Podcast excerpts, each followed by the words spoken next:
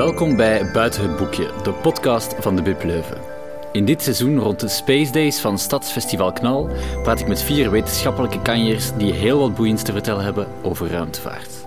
In deze aflevering praat ik met Hetty Helsmoortel, wetenschapswatcher, organisator van het Sound of Science Festival en bovenal kandidaat astronaut bij ESA. Voilà, we zijn begonnen. Hetty, welkom en bedankt om eh, mee te doen in deze podcast. Met veel plezier. Om met de deur in huis te vallen. Jij bent moleculair bioloog, ex-wetenschapster, wetenschapswatcher. En jij bent nu kandidaat om astronaut te worden bij de ESA. Klopt, ja. Hoe is dat tot stand gekomen? Hoe ben je tot die beslissing nu gekomen? Wel, ehm, ik maak samen met Lieve Scheire de Nerdland podcast. En ja, ik bespreek daar af en toe het ruimtevaartnieuws. En toen dat, dat nieuws binnenkwam, eh, dacht ik... Ah, ga een keer in detail dat persbericht bestuderen. ehm, van allee, hoeveel jaar ervaring als piloot heb je precies nodig? Welke speciale certificaten van bij de luchtmacht moet je kunnen voorleggen? Mhm. Eh, moet je nog altijd 10 op 10 van ogen hebben? Of mag dat intussen ook met een bril zijn? En tot mijn grote verbazing was niks van dat alles eigenlijk nodig. Je moest alleen eh, onderdaan zijn van een lidstaat van de Europese Unie. Dat was ik, of dat ben ik. Eh, een wetenschappelijk diploma hebben, ook in orde. Drie jaar ervaring in een labo bijvoorbeeld. Ik heb acht jaar ervaring, kankeronderzoek gedaan. En dan vloeiend Engels praten. En dat zit bij mij ook wel goed. En dan dacht ik, maar wil dat eigenlijk zeggen dat ik mij ook gewoon zou kunnen inschrijven als, als astronaut. En dan is het eh, ja, een impulsieve beslissing geweest. Ik dacht, kom, ik doe dat gewoon. En Ja. voilà, met mij 22.589 andere Europeanen. Ja, dat zit dan weer wel wat tegen, dat het Ja. zoveel mensen zijn. Maar is dat eigenlijk altijd zo geweest, dat de voorwaarden zo ja, eenvoudig zijn? Nee, het is de eerste keer. Het is ook nog maar de vierde oproep sinds eh, de oprichting van de ESA in 78. En de vorige oproep was 13 jaar geleden. En toen was het nog een stuk strenger. Dus het is echt de eerste keer. Ze zijn ook heel actief op zoek naar veel meer vrouwen. Ook naar eh, mensen met een beperking. Dus ze hebben een heel tof, vind ik, parallelprogramma lopen voor eh parastronaut. Om eigenlijk te kijken, ja, als wij in de toekomst met z'n allen naar de ruimte gaan, wat moeten wij aanpassen aan onze zetels, capsules, Ja. whatever, Ja. om ook die mensen eh, toe te laten om ruimtereizen te maken. Ja. Ehm, dus nee, ik was aangenaam verrast. En ik denk met mij heel veel Europeanen. Dus vandaar ook de, de hoge cijfers, want die zijn ook wel een pak hoger dan... Ja, dat is eh, wel verschieten eigenlijk dat het zoveel mensen zijn. ja, maar ook goed, hè? dat wil zeggen dat leeft, dat, dat mensen er echt wel iets in zien, ehm, dat de ESA aantrek heeft. Want ik vind nog altijd, ja, als je NASA met ESA vergelijkt, dan het is heel vaak nog NASA, hè? ook qua merchandise, hè? t-shirts Ja, ja, bij de ja, ja. HEMA, NASA, Zelfs hier NASA, lopen NASA. eigenlijk meer mensen met een NASA-t-shirt dan met Maar ik zelf ook, want ik ben geïnterviewd door het laatste nieuws over mijn, mijn kandidatuurschap en er was een foto bij en ik sta op die foto met een NASA-trui. Dus, Ja, ja. ja. Maar ja, dat, voor het eerst in zoveel jaar dat ze kandidaten zoeken, dan snap ik wel dat het echt een buitenkans is om in te Ja, schrijven. wel, want allee, 13 jaar geleden was ik obviously veel te jong. Binnen 13 jaar, stel dat het nog een keer zo lang duurt, zal ik waarschijnlijk te oud zijn. Dus ja, ik denk, ja, ik zit nu in een sweet spot, toch qua leeftijd. De rest, dat gaan we nog afwachten. Eh, ze gingen voor eind november eh, iets laten weten aan, aan alle kandidaten. Ik heb nog niks gehoord. Eh, ik weet wel van mensen die wel al iets gehoord hebben en die wel Oh. door mogen naar de volgende ronde. En die zetten dan een mailtje, oh, hopelijk heb jij ook al goed nieuws. En ik dacht, nee, ik heb nog geen nieuws. Maar ja, ik ben er ook realistisch in. Hè. De kans dat ik dat haal of dat ik naar de volgende ronde mag, die is, die is bijzonder klein.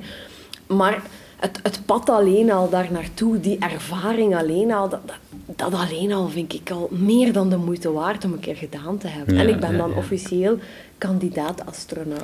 Het is toch al dat. Ja, het is ja. dat wel. Er, is, er is iemand in de Verenigde Staten die zich ooit als, als NASA-kandidaat-astronaut heeft, eh, ja, heeft opgegeven. En heeft op zijn, op zijn visitekaartje heeft hij dan eh, NASA-astronaut en dan in superkleine lettertjes daaronder candidate. dat kan dan ook. Ja, ja, ja. dat kan wel Ja, toch. Ja, fantastisch. Maar dat er zoveel mensen nu eh, zich daarvoor hebben ingeschreven, dat lijkt me dan te wijten aan dat er zo van groeiend enthousiasme is in het algemeen over de ruimte. Heb je dat gevoel? Ik heb dat gevoel wel over ruimte en misschien zelfs over wetenschap in het algemeen. Ja? Ik heb het gevoel dat wetenschap eigenlijk steeds dichter bij het gewone leven komt, op de een of andere manier. Als vroeger, 100 jaar geleden, iemand iets ontdekte over een elementair deeltje of een, een nieuw atoom toevoegde aan de tabel van Mendeleev, dat had op zich weinig rechtstreekse impact op mensen hun leven. Maar ik heb nu Mhm. het gevoel, wetenschap gaat precies voor een stuk meer ja, tegen dat leven aanleunen. Heel concreet, het gaat beginnen voorschrijven dat we ons best zouden laten vaccineren. Het, het begint voor te schrijven met welke auto dat we best wel en best niet zouden rijden. Wat dat we best wel en best niet zouden eten voor, voor het klimaat bijvoorbeeld. En ja, dat leunt daar plots heel dicht tegenaan. En je merkt ook dat dat leven begint terug te duwen. Dat mensen beginnen terug te duwen. Van, oh nee, maar dit wil ik niet. En, dan krijg je soms de, helaas de allergekste uitwegen daaruit met antivaxers en klimaatontkenners. Maar dat is, ja, dat is volgens mij een heel interessante beweging die nu bezig is. Dat, dat, dat weet, die wetenschap veel meer Ja, ja. aantrek en belang krijgt. Maar dat je ook daar wel een, helaas een tegenreactie soms tegen ziet. Ja, doordat die wetenschap eigenlijk zichzelf nu aan ons aan het presenteren is. En dat Ja. je niet meer helemaal zelf op zoek moet gaan naar wetenschap. Ja, inderdaad. Ehm, en dat we dat ook niet echt gewoon zijn. Ehm, want wat dat je ook merkt, wetenschap is wetenschap, maar dat moet dan altijd nog in beleid gegoten worden. En wetenschap botst vaak met dat beleid, want beleid is iets anders dan zoeken naar wat is nu de waarheid of hoe werkt het leven Ja, nu. Ja, ik vind ja. dat heel interessante stromingen die nu, die nu gaande zijn. Ja, ja. Ja, ja. want het grootste voorbeeld daarvan is denk ik de coronacrisis heel recent. Ja, to- toen botste de wetenschap wel heel hard met onze manier van leven op dat moment. En moesten we dat volledig omgooien om tot een resultaat te komen. Ja, Dus, voilà. En dan merkte, oké, wetenschap heeft het antwoord klaar. Dat is een, een steengoed vaccin. Ehm, met een efficiëntie van meer dan 90%. Binnen het jaar na de identificatie van de ziekteverwekker op de markt gekomen. Dat is historisch. Zo snel en zo goed hebben we het nog nooit gehad. Maar de mensen moeten dat natuurlijk wel nemen of laten zetten. Je kunt jij een zo goed vaccin hebben als je wil. Als je maar aan een vaccinatiegraad komt van 50%, ja, dan geraken we er gewoon niet. En ook daar ja, botst... Ja, wetenschap kan zo goed zijn als dat wil. Die, die mensen en dat beleid moet ook nog altijd mee. Ja. En dat vind ik heel boeiend. En dan denk ik ja, dat er een enorm belang weggelegd is voor wetenschapscommunicatie, voor duiden wat is wetenschap, wat is het niet, hoe werkt wetenschap, hoe komt dat in conflict met bepaalde andere gebieden van ons leven. En ehm, ja, dat we, ja, dat we daar, eh, vind ik, steeds harder en steeds meer moeten durven op inzetten. Ja, ja, ja. Ja, over die wetenschapscommunicatie wil ik straks heel graag nog eens op terugkomen. Doe. Maar om nog eens terug te komen op de zoektocht naar de nieuwe astronauten Mhm. van de ESA. Oké, ze zoeken nieuwe astronauten, maar het is niet enkel dat. Het zou kunnen dat die astronauten bij de eerste mensen zijn die terug naar de maan gaan. Dus het zou kunnen dat er, als er een vrouw gekozen wordt, dat de eerste vrouw op de maan is. Is dat een persoonlijke ambitie? Dat, ik zou dat wel ontzettend ferm vinden. Allee, ik heb nu eh, sinds heel kort door een eh, speelgoedtelescoop voor mijn dochter van zeven te kopen eh, het kijken naar de maan ontdekt door een telescoop. En de eerste keer dat ik die van zo dichtbij zag, en ik zeg het, maar door een speelgoedtelescoop, ik had bijna tranen in mijn ogen. Ik vond dat ongelooflijk hoe, ja, hoe dichtbij, letterlijk, dat je dat, je dat, dat ding, die Ja. satelliet van onze aarde krijgt. Dus ja, alleen, ik heb het ook nooit meegemaakt, die eerste maanlanding. Het is ook van 1972 geleden dat er mensen op de maan geweest zijn. Dus ik ben van 86, heb ik allemaal nooit meegemaakt. Mhm. Maar dat lijkt mij ja, een ontzettend ongelooflijk moment om, om daarop te staan. Of om die, ja, die reis daar naartoe van anderen mee te maken. En inderdaad, eh, ik denk dat deze selectie astronauten waarschijnlijk niet bij de volgende maanmissie zal zijn. Want alleen NASA wil in 2024 al terug. Dat is, dat is over... Ja, eh, drie jaar, een dikke twee jaar eigenlijk. Ehm, de nieuwe generatie astronauten van ESA gaat waarschijnlijk niet klaar zijn tegen dan. Hè, want je Oké. moet ook nog jarenlange Ja. eh, training ondergaan. Maar eh, dat Artemis-project, zo heet dat dan. Hè. Artemis, de, in de Griekse mythologie, de zus van Apollo. Hè. De eerste missies waren de Apollo-missies, nu worden het de Artemis-missies. Dat vind ik wel heel Ehm, leuk. Dat ja, is- ja, dat is zo. eh, ik denk zelfs de tweelingzus. Ehm maar dan is het echt de bedoeling om de eerste vrouw, of misschien wel de eerste zwarte, zwarte vrouw Ja, zelfs, ja, eh, op de maan te zetten.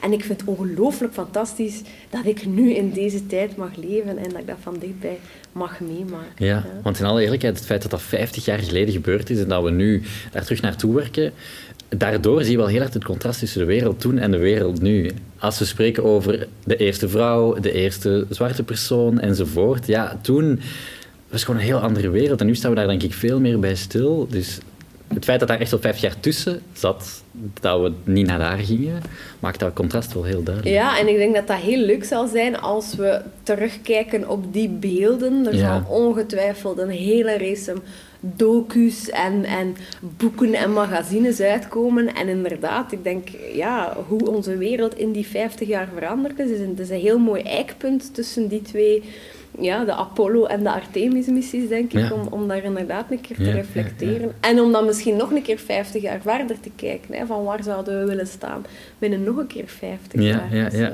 absoluut. Ja. Maar het is heel goed wat je zegt inderdaad, dat volgens mij, als we dan uiteindelijk echt gaan landen, wat voor een event dat dat gaat zijn. Ik bedoel, we hebben nu WK's, we hebben hè, van die grote sportevenementen waar iedereen zo mee bezig is. Dat is denk ik zo de grootste dingen die gebeuren. Maar als wij na vijf jaar terug op de maan gaan landen, ik denk, heel de wereld gaat zitten kijken wat er dan allemaal gaat gebeuren. Ik denk dat, dat we... Ja, ik denk dat ook. En ik weet, allee, voor onze generatie was dat een beetje 9-11, dat iedereen nog weet waar hij of zij toen was. Voor de generatie van mijn ouders was dat de maanlanding, was dat de Ja. eerste maanlanding in 69. Hier was dat blijkbaar s'nachts of heel vroeg 's morgens.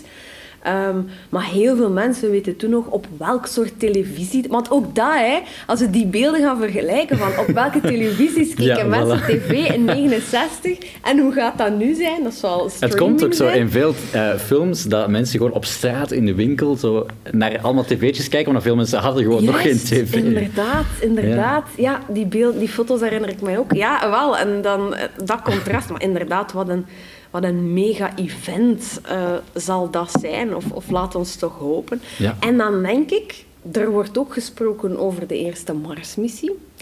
2030, 2040. Allee, Mhm. daar zijn die, die projecties van die, van die tijd nog, allee, nog wat vager. Mhm. Maar dan denk ik, maar dat zal toch ook een serieuze impact hebben. De eerste mens op Mars, als ons dat zou lukken binnen mijn levenstermijn, ja, dan, dan zit je opnieuw met die... Want nu ga je terug naar de maan. En, allee, het, zal Het is al gebeurd. Het is al een paar keer gebeurd. Met zelfs technologie die, die 50 jaar ouder was. Dus allee, ja, ik zou het nog begrijpen dat bepaalde mensen zeggen, oh ja, oké, been there, done that. Maar de eerste Marslanding met een mens aan boord, ah, dat, is iets ook- anders. ja, dat is nog Dat iets nog anders. ietsje verder ook. Dat is een stuk verder reizen. Hoe ver is Mars eigenlijk? Vanaf- zes maanden vliegen normaal. Ja. Oké. En naar de maan ter Een paar dagen, denk Ja. ik. Ja. Oké, ja, dat, dat scheelt hem toch Ja, wel. dat scheelt dan wel, ja. ja, ook qua bevoorrading onderweg en zo. Dat is, ja... Ja. Ja. ja. Hoe verloopt het selectieproces? Hoe is het begonnen? Eh, wat is er allemaal gebeurd? Maar eigenlijk nog niks. het is te zeggen, als je je kandidaat wilde stellen, eh, vroegen ze om een medische keuring te laten doen. Eigenlijk een keuring die piloten ook moeten ondergaan. Mhm. Eh, klasse 2 piloten, voor de mensen die dat willen weten. Dat is, dat is iets zeer basic. Dat was anderhalf uur bij een arts. Ik denk iedereen in iets of wat normale conditie, die, die haalt dat attest. Dat was dan een EKG van je hart laten nemen, je ogen laten testen, je, je reflex en zo. Dus dat was, eh, dat was heel simpel. Dus dat moest je indienen, dat attest. En dan een cv en een motivatiebrief.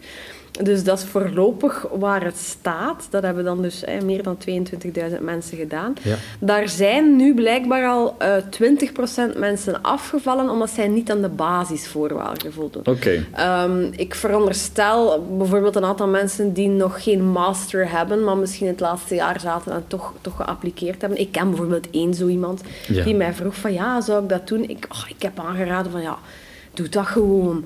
Al was het maar dat je ergens in een databank bij ESA zit of, of dat je iets onderweg leert van... Voilà. Oh, Je hebt niks te verliezen. Inderdaad, maar dus 20% van de mensen zijn, zijn daarom al afgevallen. Uh, of nationaliteit misschien. Of, allee, dus, Ja, ja, ehm, ja. dus dat was nog 80% daarvan over. En van die mensen gaan ze nu eh, naar schatting 1500 mensen meenemen naar de volgende ronde. En dat is echt een test in een van de ESA-centra in Europa. Ik dacht dat het altijd Keulen ging zijn, maar het is blijkbaar ook in Hamburg. allee, het is op een aantal plaatsen. Ja. Waar dat je dan eigenlijk, ehm, als het gelijk loopt met de vorige selecties, daar is een heel tof boek van, van Tim Peake, die nu eh, ESA-astronaut is. En die heeft eigenlijk eh, zo alle tests beschreven die hij toen die dag moest ondergaan. Dat zijn zo'n beetje de, de genre IQ-test-vragen. van eh, een dobbelsteen, wat is de volgende in de rij? Of eh, ze laten zo eh, tamelijk snel een reeks cijfers afspelen en dan vragen ze, ehm somt er nu zoveel mogelijk eh, terug op, maar ook somt er nu zoveel mogelijk terug achterstevoren op. Ja. Dus dat is echt zo, dat, dat korte termijn geheugen ook. Eh, een aantal fysica-vragen zitten daar ook in. Eh, elektriciteit, eh, krachten, eh, Newton en, en zo. Eh, Ja. Kent ze wel, die hefboom, Ja. eh, die typische hefboom-vraagstukjes. Een Engels, denk ik, zit daar ook in. Ehm, ja, en dan gaat dat eigenlijk van 1500 naar allee, nog een pak minder, pak nu 300, 400. Allee, ik ken de cijfers niet. Hè. Maar het loopt in ieder geval in vijf fases, waar dat je hè, die cognitieve tests, dan psychologische tests, dan vallen nog wat mensen af. En dan in de laatste twee rondes is het echt ehm, Face-to-face. ja, interview met een aantal eh, hoge mensen bij ESA. En dan, ja, dan zit je bij de 50 laatste, denk ik, en dan gaan ze naar 20. En dan ja, gaan ze er daar vier uitkiezen tegen de herfst van eh, 2022. En dan, ja, dan begint het eigenlijk pas. Hè. Ja. Voor die mensen, dan gaan ze... Ja, eh, Dan heb je gewoon een job. Dan heb je een job en dan heb je een aantal jaren training voor de boeg. Ehm, ook in, in Rusland, ook in Amerika. Ehm, Ja. Blijkbaar, eh, zei een van de Duitse ESA-astronauten, eh, is het Russisch leren het moeilijkste van heel uw astronautenopleiding. Dat is verplicht dus. Dat is verplicht, omdat je ja, bijvoorbeeld in het internationaal ruimtestation of op die toekomstige maan- en Marsmissies heel vaak ook met Russische cosmonauten zal eh, moeten samenwerken. En dat Russisch is echt Ja, verplichte kost. Ja. Dus Russisch en Engels, of zijn er, zijn er nog talen? Ja, er zijn nog talen. Eh, in dat boek van Tim Peake wordt er ook echt gepolst naar allee, Deens, Frans, Engels. Ja, Europa is, is uiteraard een, een, een lappendeken van talen Ja. en, en noties hebben van... Maar wij als Vlamingen hebben daar denk ik wel een streepje voor. Dus dat heb ik ook in mijn cv gezet, maar, eh, of in mijn motivatiebrief. Dus, eh, maar ja, dat zit er allemaal bij. Ik denk, communiceren is misschien nog een pak belangrijker in zo'n job dan... dan allee, uiteraard, je technische skills zijn superbelangrijk, maar je zit daar soms zes maanden of een jaar of, of meer, als we nog verder gaan, met mensen opeengepakt in een zeer, zeer kleine ruimte. Dan Ja. zijn die interpersoonlijke skills en die communicatieskills al superbelangrijk. Ook wel echt ja, van belang. Ja.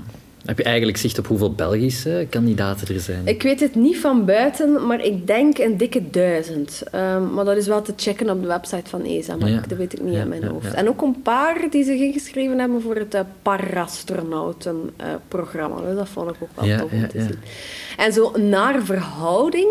ehm, want we zijn een klein land natuurlijk, maar naar verhouding van aantal inwoners had ik toch het gevoel dat wij vrij goed scoorden eh, als, als België. Dus dat is eigenlijk wel Ja, leuk om te zien. Om trots op te zijn Ja, eigenlijk. Ja.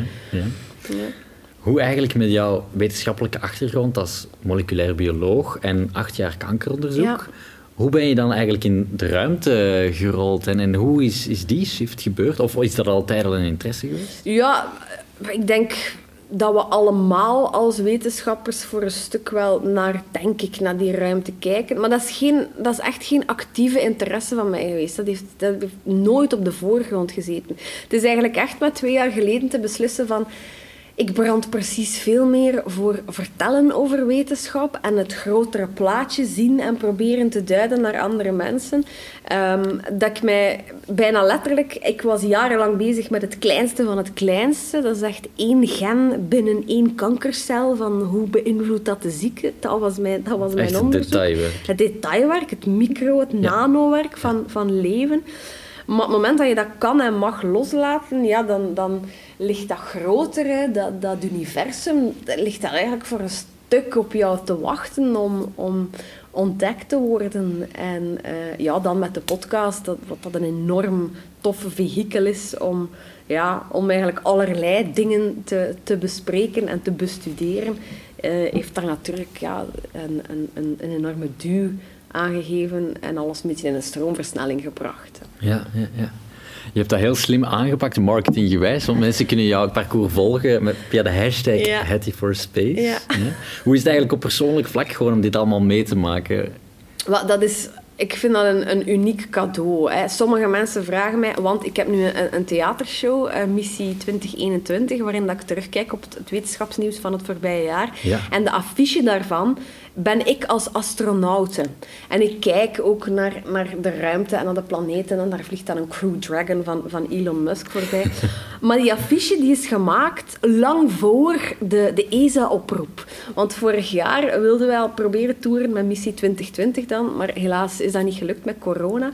Maar hoe die affiche wel redelijk wat geld gekost om, om te ontwerpen. Dus we dachten, we nemen die gewoon mee naar, naar, naar volgend jaar. Ehm, maar die is, allee, die is ontworpen voor uh, ja, de ESA-oproep. En er zijn mensen die me zeggen, maar ja... Dat is toch gewoon een reclamestunt om uw theatershow onder de aandacht te brengen. Maar dat was het echt niet. Ik heb mij echt heel impulsief ingeschreven. En ik had ook nooit verwacht dat daar, dat er zo gigantisch veel media-interesse voor zou zijn. Dat is eigenlijk een beetje allee, op een goede manier in mijn gezicht ontploft. Uh, ik denk uh, dat mensen na corona misschien wel op zoek waren naar een keer leuk, optimistisch... Positief nieuws. Positief, techno-optimistisch nieuws of zo. Ja. Um, ja, en dat is allee, voor mij persoonlijk een enorme cadeau geweest. Omdat, allee, ik ben nu, eh, mijn job is nu wetenschapswatcher zijn. Maar goed, ik kwam uit het kankeronderzoek. Ik gaf al een aantal jaar duiding voor radio en tv, maar heel vaak over biologie, geneeskunde. En dan plots komt daar ook die ruimtevaart bij. En oké, dan is uw arsenaal plots wel heel breed als wetenschapswatcher. Dus dan kun je alles ertussenin misschien ook wel erbij pakken. Dus voor mij is dat een, een zeer onverwacht, maar een heel tof cadeau geweest. Ja, dat kan ik mij wel inbeelden. Ja. Je haalde het al aan, je bent bezig nu met een theatershow, Missie 2021. Je bent nu bezig aan de trials. Ja, klopt. Ja. Hoe gaat het? Ja, goed eigenlijk. Ehm, nu, tussen mijn master en mijn doctoraat ben ik ook uit weer naar de toneelschool geweest. Dat was een, eh, een, een, een, lange droom van mij. Ik heb die toen... Ik dacht, als ik het nu niet doe, dan ga ik het nooit doen. Ja. Ben ik twee jaar naar Rits in Brussel geweest. Aha, ja, om, om drama... Is het waar? Ah, voilà, voilà. Super. Uh, om drama te studeren. Um, maar dan toch teruggekeerd naar, naar de UNIF en een, uh, een doctoraat begonnen en ook afgewerkt. Maar zo in het laatste jaar van mijn doctoraat begon ik dat toch weer te missen om, om ja, op een podium te staan, om verhalen te vertellen. En dan uh, ja, deelgenomen aan een paar wedstrijden voor wetenschapscommunicatie en die alle twee gewonnen. En zo is er een enorme bal aan het rollen gegaan. Ja. Um, en voor mij is het eigenlijk fantastisch dat, dat, die, dat die cirkel eindelijk rond is. Want ik ben gigantisch gepassioneerd en geïnteresseerd door wetenschap. Maar de moment dat ik zei aan mijn ouders, ik was ook met grootste onderscheiding afgestudeerd, van oké, dat heb ik nu, dat diploma, ik ga nu actrice worden. Dat is um, alles behalve goed onthaald. En in mijn hoofd zijn dat ook heel lang twee verschillende werelden geweest. Ook, ook voor heel veel mensen, ja, of je bent wetenschapper of je doet iets met kunst of zo. En ik ben heel blij dat nu eindelijk, na ja, 10, 12 jaar, dat die cirkel eindelijk rond is en dat ik met wetenschap op het podium kan gaan staan. Dat je dat bruggetje hebt kunnen maken. Ja, dat is een droom voor mij die uitkomt. En ik denk, het moment dat je elke dag kunt opstaan met goesting en met zin in de projecten die voor je liggen, dan, dan, dan zijn er gelukkig mensen. Dan zit je goed bezig. Ja, ik hoop het. maar ik vind dat heel tof om te horen, want ik persoonlijk ook, ik studeer dus nu op het RITS, dus ja, de creatieve wereld vind ik fantastisch. Maar technologie en wetenschap is altijd gewoon al een passie van mij geweest. En ik kan dat ook zo niet, niet, niet scheiden van elkaar. Of. Dat is gewoon deel van mijzelf. En dat moet elkaar ook helemaal niet tegenspreken. Nee, inderdaad. Maar ik heb daar heel hard mee geworsteld. Um, lange tijd. En, en ja, ook voor mensen in uw omgeving is dat dan... Ja, maar wat, wat is het nu? Wat is het nu eigenlijk? Dat is, uh, het is toch of kunst of wetenschap. En, en ik vind het heel tof, ja, van, allee, ook als ik dan zo dat soort verhalen als van jou hoor, dat dat allemaal wel kan tegenwoordig en mag. En vooral dat dat elkaar waardoor hij aanvult ook. Die, Ja. die twee zienswijzen op de wereld. En dat vind ik, ja, dat vind ik Ja, ja, fantastisch dat mij dat ook eh, gegund is. Ja, voilà. Want dat bruggetje tussen theater en wetenschap is op zich in Vlaanderen wel best uniek. Hè? Dus, eh, Ja, Ja. ja. en eh, allee, aan het Rits, ik, ik heb daar twee jaar gezeten. Ik heb daar twee jaar geprobeerd om de combo wetenschap en theater te maken. En dat is mij uiteindelijk niet gelukt. De, Ja. de projecten die ik daar eh, kreeg en dan op die manier probeerde in te vullen. Misschien was ik te jong, ehm, ja, maar dat is mij daar op dat moment niet gelukt. En dan vind ik het eigenlijk heel tof dat als je dat even laat weken, dat dat uiteindelijk terugkomt. toch terugkomt of zo. Als dat in u zit, dat dat toch wel zijn weg naar buiten vindt. Ja. En dat is, dat is, ja, er zijn nog theatergezelschappen hoor, die, die die brug proberen te maken. Maar eh, ja, mij was het toen niet gelukt. En ja, ik had het dan ook even een paar jaar aan de kant geschoven. Van oké, dit, dit, dit werkt dus blijkbaar niet. Maar ja, ik zeg het, dan is het wel heel fijn om... Als je gewoon de dingen zijn beloop laat gaan... Ja, het bloed kruipt door dat lichaam. Ja, voilà. Ja. Is het dan, was Missie 2020 de eerste voorstelling? Ja, Ja. dat was de, ja, de helaas gecancelde voorstelling. Ik heb daar drie try-outs van gespeeld. En dan eh, ja, nooit in première kunnen gaan. Maar goed, nu zijn we... Ja, maar het is eigenlijk... Ik ben nu volop aan het try-outen voor missie 21. Dat loopt goed. Maar dan denk ik... "Oh, die vierde golf die zit eraan te komen. Ja. Laat mij alstublieft eh, in première mogen gaan. Nu, als die maatregelen nodig zijn en zich opdringen, dan, dan lijkt mij daar als wetenschapper uiteraard graag bij neer. Maar, eh, Maar laat, fingers ja, crossed, hopelijk blijven de theaters wel open. Inderdaad, Ja, ze zijn lang genoeg dicht geweest. Ja, amai. ja. Maar nu dus missie 2021. Ik vind het, het format van de show eh, leent zich wel tot een jaarlijkse update misschien.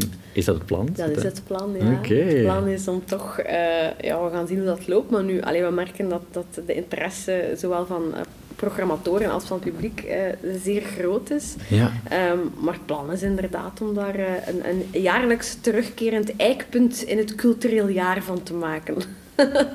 ja, dat lijkt mij top. Dus cultuur of kunst en, en wetenschap, die brug, maak je die eigenlijk ook in je privé, wat, dat je, wat dat je graag leest, wat dat je graag kijkt? Zijn er heel veel boeken, Oh. films? Absoluut. Film ben ik een absolute noob, dus daar, eh, daar moet je mij niet veel over vragen. maar qua, qua literatuur, ik, ik lees zelden fictie, maar ik he- lees heel veel non-fictie. Ja. En dan vooral in, in de Angelsaksische landen zien we een trend van, van eh, literaire non-fictie. Dat is die verhalende non-fictie. Dus dat, dat verslind ik. Ehm, en ook, ja, ik, ik, in, in eh, kunst of tentoonstellingen of zo, is dat ook hetgeen wat, mij wel prikkelt. Bijvoorbeeld het Gent Universiteitsmuseum, dat vorig jaar eh, zijn deuren heeft geopend. Dat vind ik een hele toffe mix tussen kunst en wetenschap.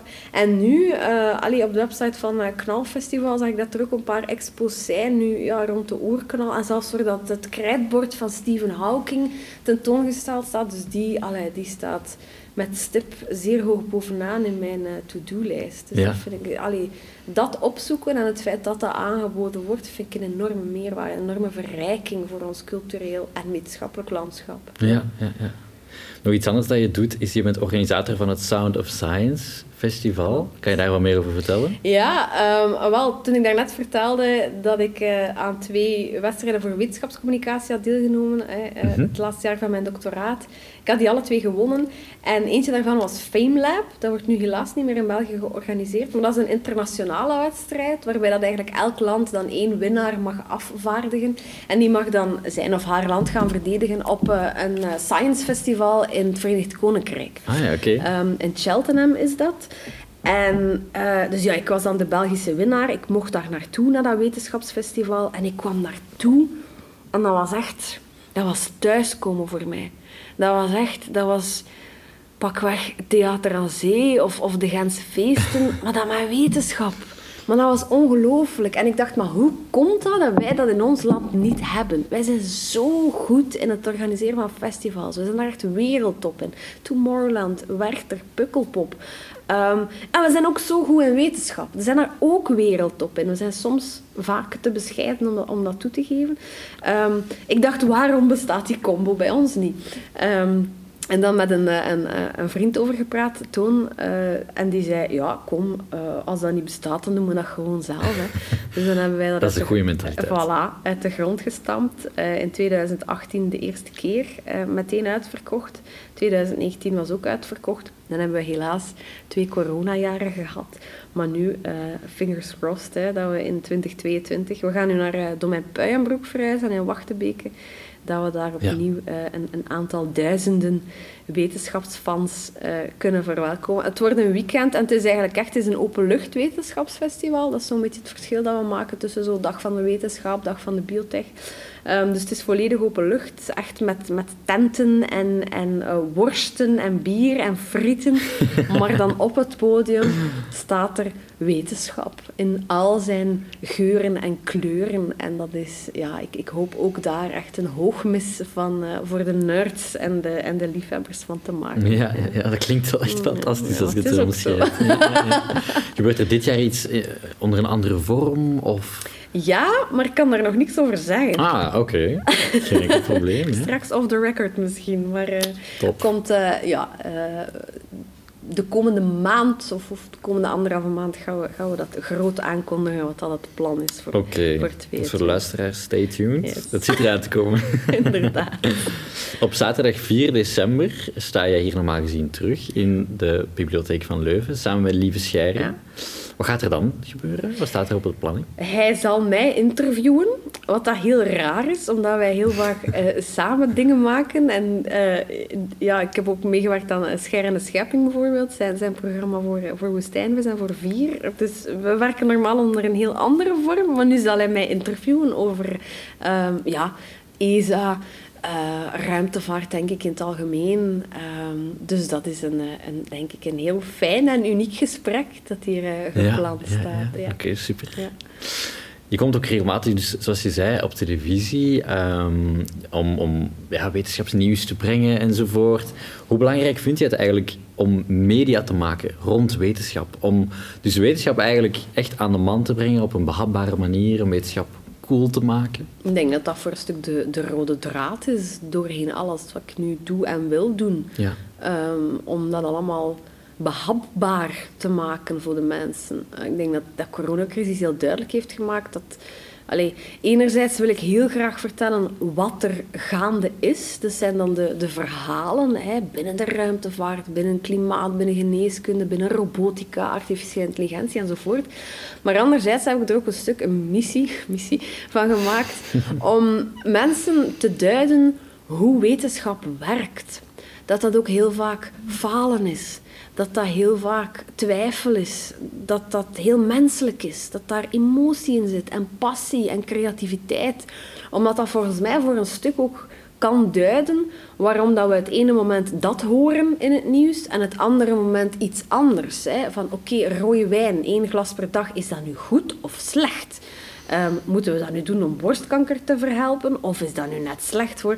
En als je, denk ik, een beetje meer inzicht probeert te geven in hoe het ook werkt, los van de pure headlines en het, het, het verhalen daarachter, hoop ik, misschien is dat ijdele hoop, ik weet het niet, maar hoop ik dat dat, ja, dat begrip misschien voor een stuk wel zal stijgen. Ehm, wat ik ook merk, en dat is dan misschien de keerzijde daarvan, is ja, hoe behapbaarder het wordt, hoe meer mensen dat zichzelf ook als expert gaan opwerpen. Want je probeert dan dingen ja, een stuk te vereenvoudigen of een stuk allee, details weg te laten heel vaak. Hè. Niet dat het niet meer klopt dan, maar wel allee, dat dat echt behapbaar wordt. Ja. En dan, ja, de keerzijde daarvan is dan, is dan soms wel dat, allee, dat dan experts opstaan die dan ook dingen gaan beweren waarvan dat je denkt, nee. Ja. Dit klopt helemaal niet. Ja, ja, dus, ja. De zogenaamde Twitter-experts, mm -hmm. zelfverklaarde ja, Halve dag research op YouTube. En dan denk je, ja, ja want dat is dus, wel iets dat heel hard speelt nu. Hè. Met social media heeft daar wel, ja, toch in zekere zin een dat kan een heel positieve rol zijn om inderdaad wetenschap aan de man te brengen, om die communicatie te doen.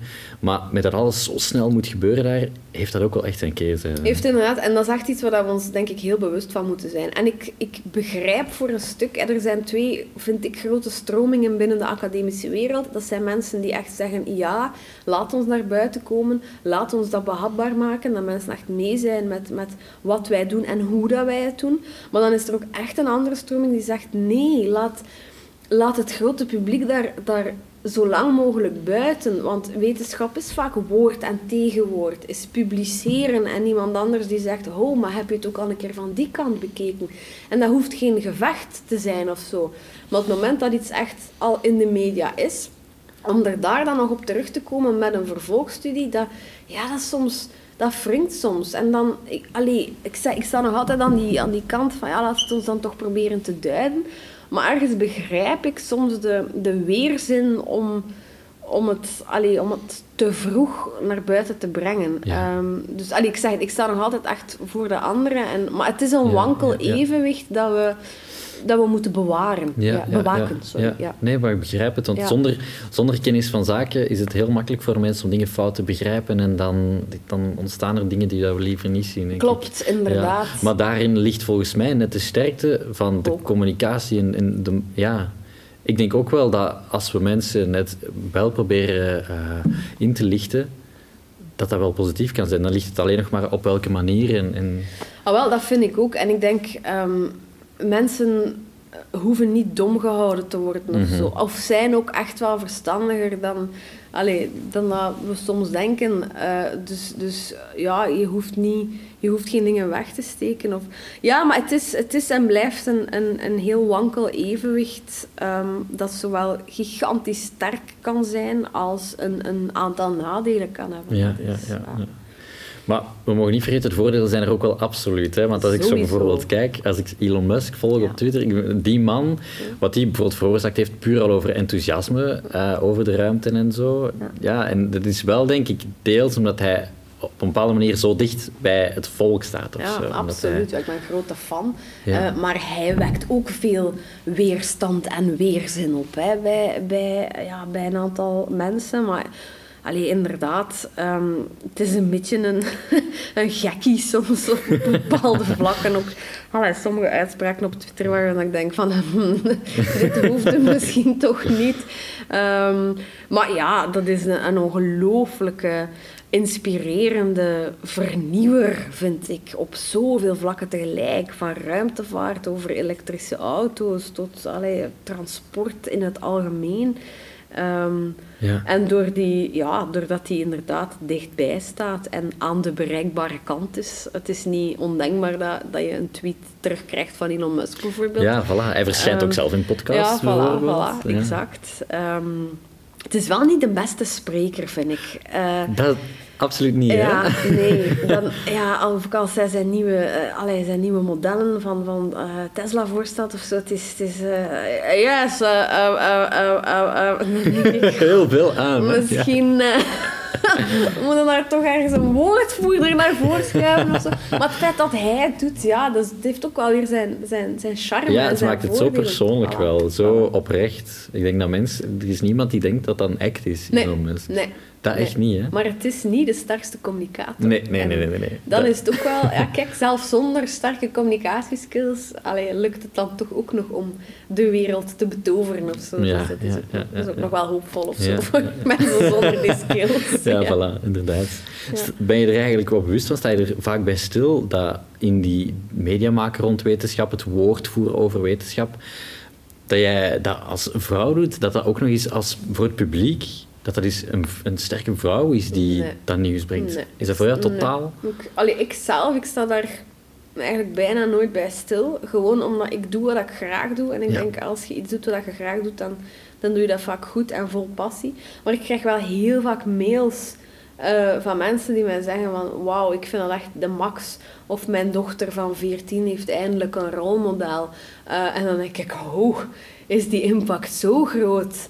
Um, maar zelf, ja, nee, sta ik, daar, sta ik daar zelden of nooit bij stil. Maar ik kan mij voorstellen dat het ja, misschien een, um, ja, een, een verrijking of een, een, een sprankelende vernieuwing is ja, ja, ja, binnen ja. hetgene wat er al was. Mhm. Maar eigenlijk is het top als je er niet meer over hoeft na te denken. dat denk hè, ik wel. Dat is, allee, dan denk ik, dan ben je er voorbij en dan ben je one of the team en dan, ja. Ja, ja, ja. Stel, jij wordt gekozen door de ESA Mm. om astronaut te worden en je gaat een langdurige ruimtemissie doen. Wie zou je eigenlijk het meeste missen? Mijn kinderen. Ja. Ja? Ja, absoluut. Ja, dat is... We moesten ook zo'n vragenlijst invullen van... eh, ja, eh, ben je bereid om eh, maandenlange trainingsmissies in Rusland of in Amerika te ondergaan? Ja, ik heb natuurlijk ja aangeduid, omdat... Ja, maar Anders is het een beetje stom om de moeite te doen. als je daar nee aan... De, ja, ik snapte het nut niet van die vragenlijst. Want oké, wie duidt er nu nee aan? Allee, als je... Enfin, ehm, maar... Misschien was dat dan het nut. Doordat die vraag daar stond, ben ik daar wel beginnen over nadenken. Maar oh, maar ik zou die wel, ja, ik zou die wel gigantisch missen. Ja, mijn kinderen zijn heel belangrijk voor mij. Mijn vrouw ook trouwens. Mhm. Ja. En, en dat gezin, ja...